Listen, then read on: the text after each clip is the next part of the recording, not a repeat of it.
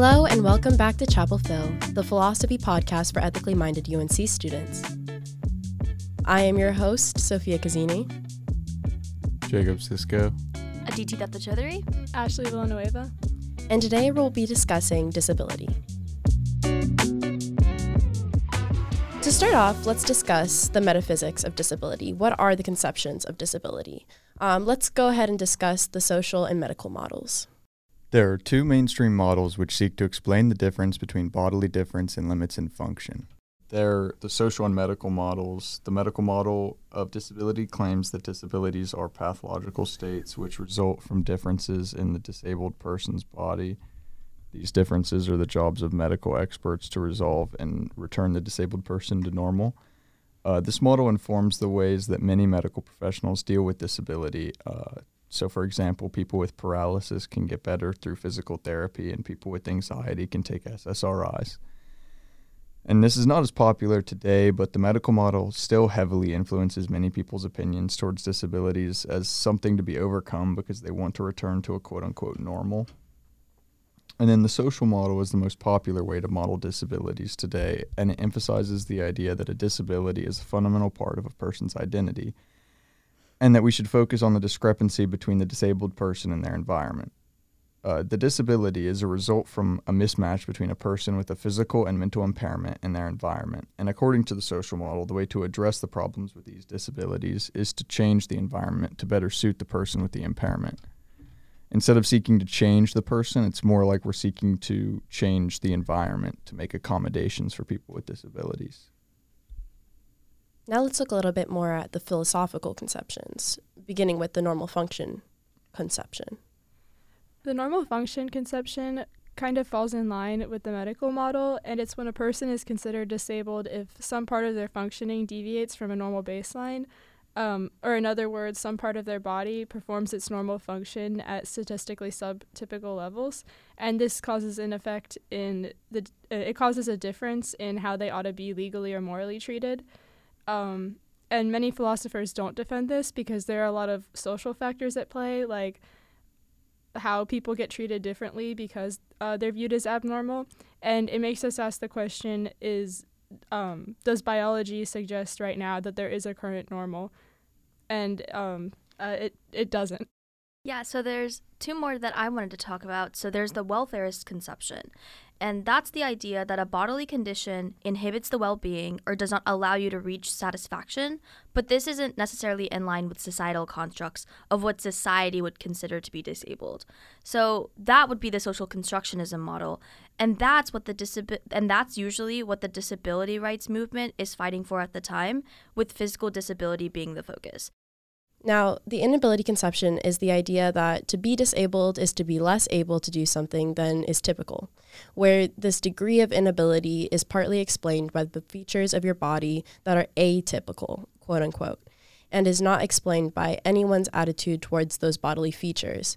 So, this helps disclude um, things like race, sexual orientation, and other things that can often be grouped in when discussing physical traits impacting someone's ability to function in the world because it's discluding any idea that it's caused by social reflections and not just your physical and biological state. Skepticism is the last philosophical conception, and it's the idea that to focus on individual characteristics um, in defining disability is missing the bigger picture because disability is not a set of individual characteristics um, it's a, a mechanism that identifies various types of individual characteristics for the purpose of social control. So it's a way for people that are normal to um, regulate the quote unquote abnormal. Um, and we shouldn't seek to define disability because there are different definitions of it that are appropriate in different contexts and for different purposes. Yeah, so next we just wanted to explore different conceptions of disability and how they impact the world around us. And an introduction that a lot of people do have to people with disability is the ADA or the American with Disabilities Act. And most people know what this is, and the broad conception of it is just the federal regulation that the US government has in place to prevent discrimination that that people with disabilities have. And I just wanted to talk about two specific branches of it and how it's been implemented. So, one agency, the Department of Labor, they prohibit discrimination against people with disabilities in several areas, and this includes employment, transportation, public accommodations, communications, and access to state and local government programs. And this is enforced under Title I of the ADA, which is protecting the rights of both employees and of job seekers. In fact, the ADA under Title V is also regulated by the Federal Communications Commission, and those are the people who actually required closed captioning on federally funded public services service announcements. And more importantly, to UNC's point of view, the U.S. Department of Education, like other federal agencies, they enforce Title II of the ADA. And that's what prohibits discrimination in programs or activities that receive federal financial assistance from the department. So, Title II of the ADA is a federal law which prohibits state and local governments, such as public school districts, public colleges and universities, and public libraries, from discriminating against persons with disabilities. And next, let's explore some disability accommodations that the ADA does provide. So, it's things like providing modified equipment or devices in uh, job or even education setting. It's things like job restructuring that can look like either uh, modified work schedules or even reassignments to vacant positions that might better suit an individual who's experiencing a disability. There's also things like adjusting examination or trainings materials or even policies so that it can, again, you're restructuring the society, not trying to restructure the person. Um, so, what does medical treatment look like for people that are disabled? Uh, according to the North Carolina Department of Health and Human Services, um, it can be defined as either assistive technology or independent living. So, with assistive technology, this looks like items or equipment used to um, improve or maintain the functional capabilities of people with disabilities. So, this means, um, for example, stair lifts, hearing aids, um, automatic page turners, um, etc., in hospitals. And for independent living, this helps uh, people live more independent lives by providing counselors and then also rehabilitation engineering. And that's the creation of devices that can assist um, individuals with mobility, communication, hearing, vision, and cognition, or also um, by even using brain computer interfaces. So, a person with a severe disability can use a computer or other devices just by um, thinking what they want to do. Um, another thing, kind of transitioning into thinking about how disabilities get treated at UNC. Um, I currently have a friend who's uh, in the psych grad program to become a mental health counselor. And something that UNC requires is a dual education in both the mental health counseling and how to work with people that have disabilities. Um, but in general, the um, a lot of people in this field are very underpaid, so it's not something a lot of people actively seek. And UNC has been trying to keep the dual program, but it's within the next year, um, they're going to start phasing out of it, like a lot of other schools have. So this is a big problem in the field. Okay, so next we're going to turn to how UNC claims to view disability. And for the most part, it seems to be a social model because they do make accommodations for disabled people on campus. But it seems to be social constructionist because they only really make these accommodations once they're called out by um, a movement campaigning for uh, disability accommodations. And um, something that could be different from the social constructionist model is having a accepted idea of what is of what disability is and proactively trying to fix these make these accommodations before you're called out by a movement instead of waiting until you're called out by a movement and reacting. So a few questions that we had as a group was how far is too far? Is that even possible? And if there is any ideas about whose responsibility it is to inform the school. Is it the school's responsibility? Is it up to an individual to have to speak out and say, hey, I have this need, you need to fulfill it? Who does it fall on? I'd say it's a pretty tricky discussion, right? Because on the one hand, it's like, as an individual who isn't experiencing certain disabilities, how do I know the experience enough to be able to predict what someone's needs are? But I think that comes down to like asking, right? So asking rather than waiting to be asked or told. And I think that's a huge dichotomy that occurs with like so many disenfranchised groups, right? Right. And I and I think that it's a really important discussion to have because when we're asking you know, who's responsible? Obviously, at UNC, I would think of administration. I would think of the government because we're a public school. And so we should be following the guidelines of the ADA, but we still have buildings that aren't accessible to people with wheelchairs. We have buildings that aren't accessible to people with disabilities. And so when we're actively calling them out and we're actively asking for them to change and they're not changing, we do see like the fault of the administration not accommodating for people even when they're asking. So I would think it would be their responsibility, but even when asked, they're not acting. No, I totally agree. And I mean, we, we saw as a community last year that there were a lot of instances in which students had to be those advocates. Right. And they had to be that representation to the point where there was even a situation in which one student was put not on a first floor on on the first floor in a dorm and she is in a wheelchair and at one point the elevator broke down for like days. So she actually had to have people come and help her leave the building. Like ju- just like it's so simple like make the building accessible or put the person on the first floor. Like it's not it shouldn't be that complicated and yet somehow it is. Right. Yeah. But, you know, I feel like UNC kind of felt the wrath of people afterwards because people were like, that is not okay. But they should have known that from the get go.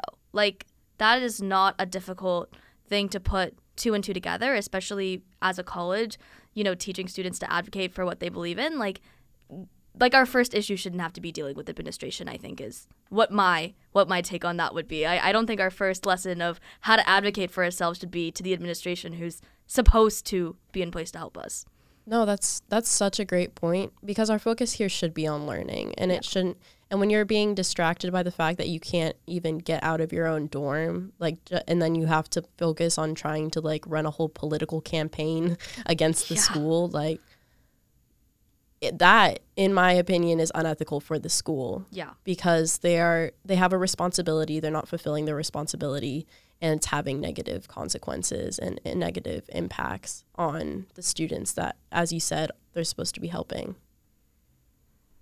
For UNC students and for the UNC administration, especially, I think we all ha- have a moral obligation to care within our specific roles. So when the UNC admin has all of the power in that kind of situation to make a change, I think we all should be making efforts to improve other people's lives around us. Um, but it does really suck when they're not doing anything because of the fact that we all have that responsibility and it's just kind of the bare minimum to build everything else upon.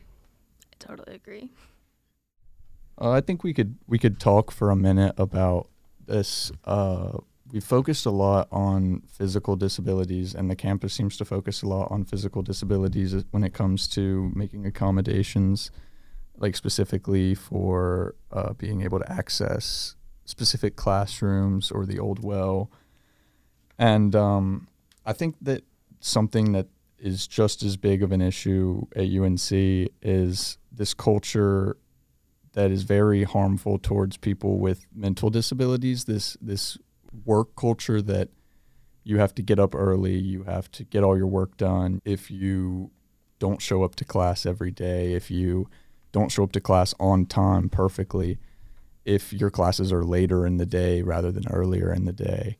Um, just a couple examples of, of ways, at least me personally, that I have been treated like less than a fellow student because they are able to get their work done. Um, and I just feel like that culture is very much something that's harmful for um, people with mental disabilities, which do represent a lot of people at UNC, people with depression and anxiety, um, especially.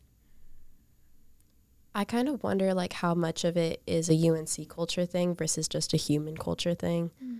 Um, I think that especially like in Western society, we definitely value ourselves based on what we do rather than like who we are. Like you are what you do, and like when the first thing that you do, at least in America, is like you introduce yourself and then you say what your job is, right? What your occupation is. That's that's how you are defined.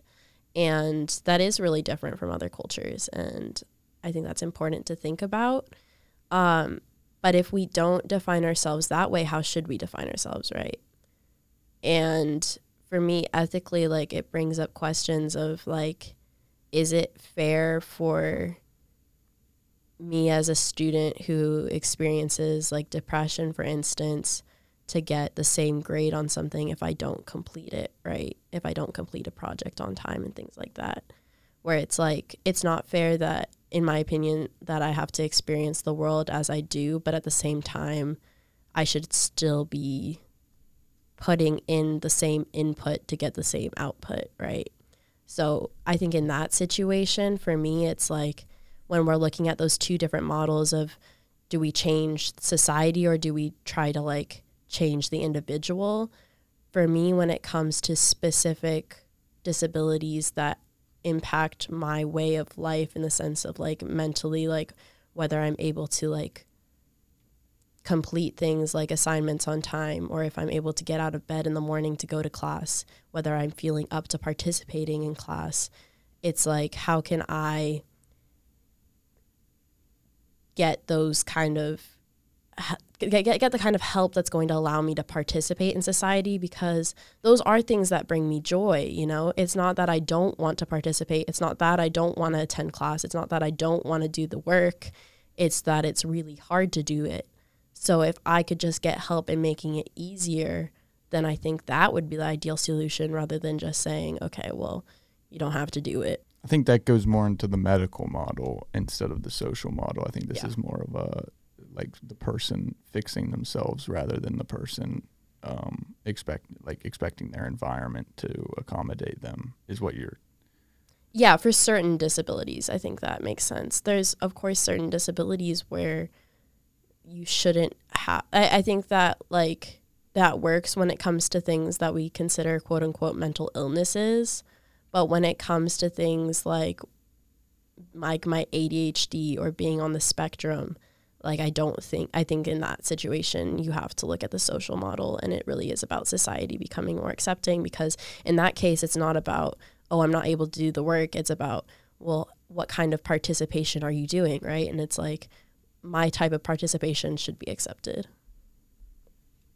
I think I lean more towards Foucault um, in the sense that I probably align more with the skeptic skeptical model um, just because I feel like very much like this idea of defining what's what's normal and what's not normal based on just like a difference in function is not a natural thing. It's a it's a it's a I'm not going to say social control because that seems a little a little too negative um it's just more of a way to like in my opinion try to get people to act a certain way. I think that's where the problem with what the culture on campus for me is is that you can't expect people who have in my opinion any disability whatsoever to to act a certain way because they because of some arbitrary decision that happened hundreds of years ago that decided that they were the normal some or the disabled person wasn't. That's that's where I I'm getting at is that this this whole thing is like I can't you can't I I definitely can't expect somebody and I don't think somebody could expect me to to to change the way I am. I think the expectation is more of the environment instead of people necessarily. Um, so like with UNC with the work culture, uh, my ideal uh, change would be not necessarily giving uh, a person with depression who wasn't able to get out of bed this morning the same attendance grade as um, somebody who doesn't have depression, but I think the the attendance grade itself is a tool to make people who aren't able to make it on time like not do as well. And then in that sense they won't be the ones who rise to the top of society. And so it's kind of a way to trim down the people who like if you're looking at it in a, in a, in a meritocratic sense that like the people who do the best make it to the top then the people then when you're you have these tools of making people act a certain way like this work culture then you're guaranteeing that they are not going to make it as far as other people I think you'd have to restructure the entirety of society or at least change the values of society, which I think is something we need to work towards. But change it to what? You know, Sophia, you were kind of touching on this. You were like, you know, you're talking about these things that we need to change, but society values them and holds them to such a high regard that how do we restructure the world to, you know, quote unquote, fit these people? But for me, that doesn't make any sense that we're trying to force these people to fit into something, right? Like, it's so insane to me that we have created this like linear version of who should who we should be as people and if you fall outside of that you were for some reason not as productive or you're not as effective or you're not as valuable to society as you could be if you didn't have those qualities. And I think that it's really interesting that that's how society chooses to place value on people through how much they can produce rather than who they are. And I think that's a question that you posed at the beginning. And like why that is, I mean, like from an economic viewpoint, it's because the more that you produce, the more valuable that you are, right? Like the more work that you can do for a corporation or for a company or for yourself, I guess, is the more valuable you are. And I do think that there's like an intrinsic tie to those things. And like, I think that's why society structured the way that it is, at least for like the past hundred or so years. I think if you even think about like ancient civilization or even pre civilization, like you're in this group of people, right? And you're trying to survive. Whoever has the best skills to survive is going to be considered the most valuable and probably the the person you want to reproduce with, right? Like thinking about it from a very like socio biological standpoint. So, but but the times have changed. We're no longer fighting to survive, quote unquote. So how can we instead change the way that we view contributing to society because I think we should value contributing to society, but people contribute to society in different ways.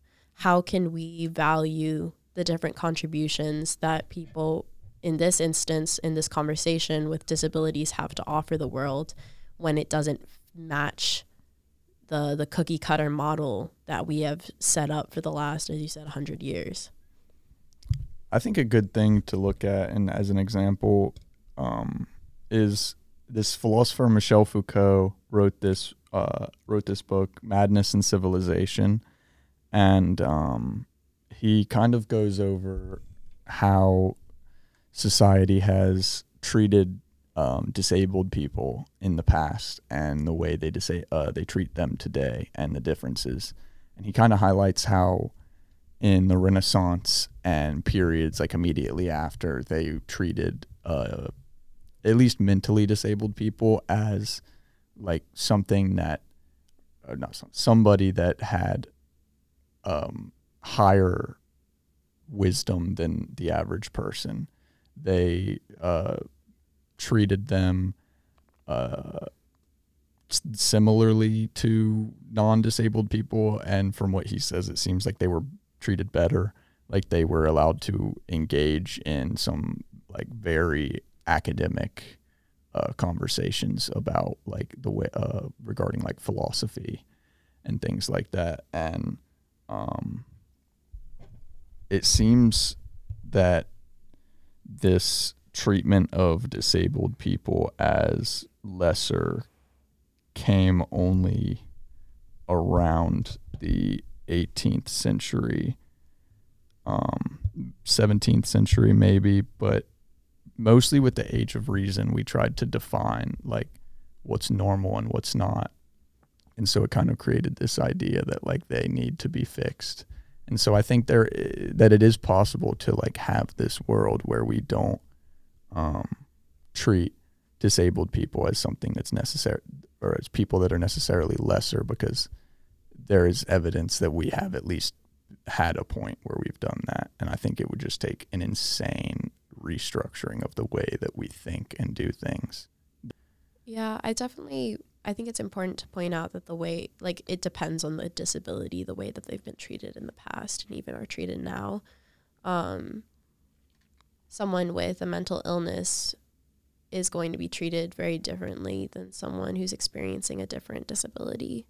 And I mean, we know for not for a fact, but from from research, from from some evidence, um, that there are a lot of like, for instance, bipolar um, artists who created amazing works that we still like look at today, and a lot of people there there's then this new movement even to like try to look at our differences as almost and I, I'm still struggling and grappling with this, but the idea of looking at our differences as tools, definitely looking at how we view um, disability um, is going to be important when thinking about how how we can create these accommodations in a more just world and a more ethical world.